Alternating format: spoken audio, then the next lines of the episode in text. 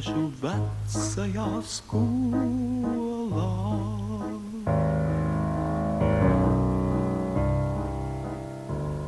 Es skatos tai vecajā bildē, kādi jauni un skaisti vīri, un brauca viņi uz kuģiem.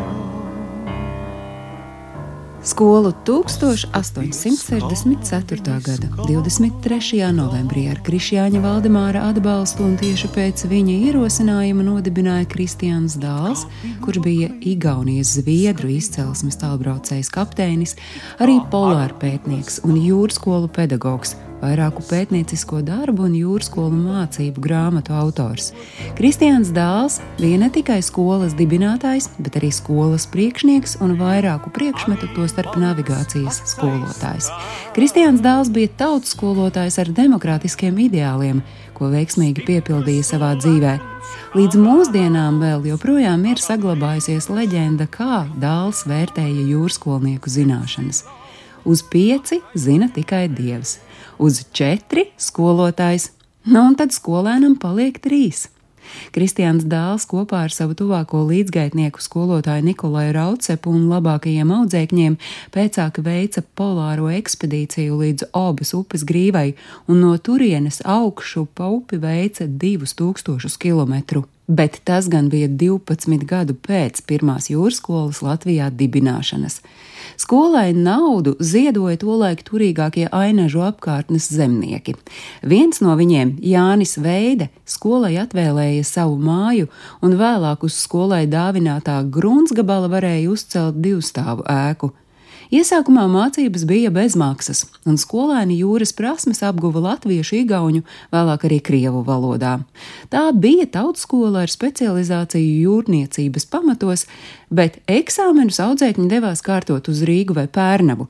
Skolas izveidošana palīdzēja rasties turīgai latviešu jūrniecībai un panāca piekrastes reģionu attīstību daudz plašākā nozīmē, sākot no kuģu būves un kokapstrādes līdz ar tirdzniecību un jaunu ekonomisku un zinātnisku ideju ieviešanu dzīvē. Grūti pateikt, vai Ainaža jūrskolai būtu bijuši tādi panākumi, ja nebūtu skolotāja Kristiāna Dāla. Īpaši nozīmīga bija viņa izstrādātā mācību programma un arī darba metodika. Sākuma gados mācību grāmatas jūrskolā bija tikai svešvalodās, un tad dāls tās pa vakariem tulkoja, bet dienā vienkāršotā valodā lasīja priekšā saviem maz izglītotajiem audzēkņiem, kas visu rūpīgi ar spālu kaligrāfiskā rokrakstā pierakstīja savās kladēs. Ainaži jūrskolas slava ātri vien izplatījās pa visu Krievzemi, un jau pāris gadu vēlāk Krievijas impērija izdeva pavēli radīt plašu skolu sistēmu, balstoties tieši uz Ainaži jūrskolas paraugu. Rezultātā izveidoja 40 jaunas jūrskolas, no kurām 11. Iedomājieties, 11 atradās Latvijā. Visās 40 jaunradītajās jūrskolās mācības, tāpat kā ainežos, bija bezmaksas, dzimtajā valodā, un jūras prasmes varēja apgūt ik viens, kuru tas interesēja. Rezultātā gadsimtu mijā Ainaža jūrskola ieguva augstākās kategorijas statusu, un te prasmes apguva tālbraucēju kuģu kapteiņi. Kā jau minēju, tad ap to laiku arī Ainaža jūrskolas vajadzībām uzcēla vairākas jaunas ēkas, un skolā nu varēja mācīties ap 3000 audzēkņu, bet trešdaļa no viņiem saņēma tālbraucēju kapteiņu vai stūrmaņa diplomu. Jūrskola pastāvēja 50 gadu līdz Pirmajam pasaules karam. Kara laikā Krievu armija saspridzināja un nodedzināja ostu, sagrāva tās infrastruktūru, tika arī iznīcināti burbuļkuģi, kuri tajā brīdī atradās ostā. Pēc kara jūrskolas ēkā izvietoja ostas valdi un arī pamatskolu.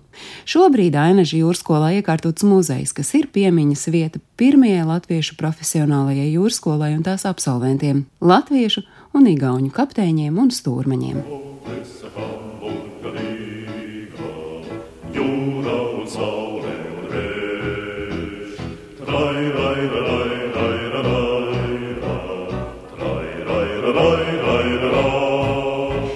Stāstīja Agnese Brunka.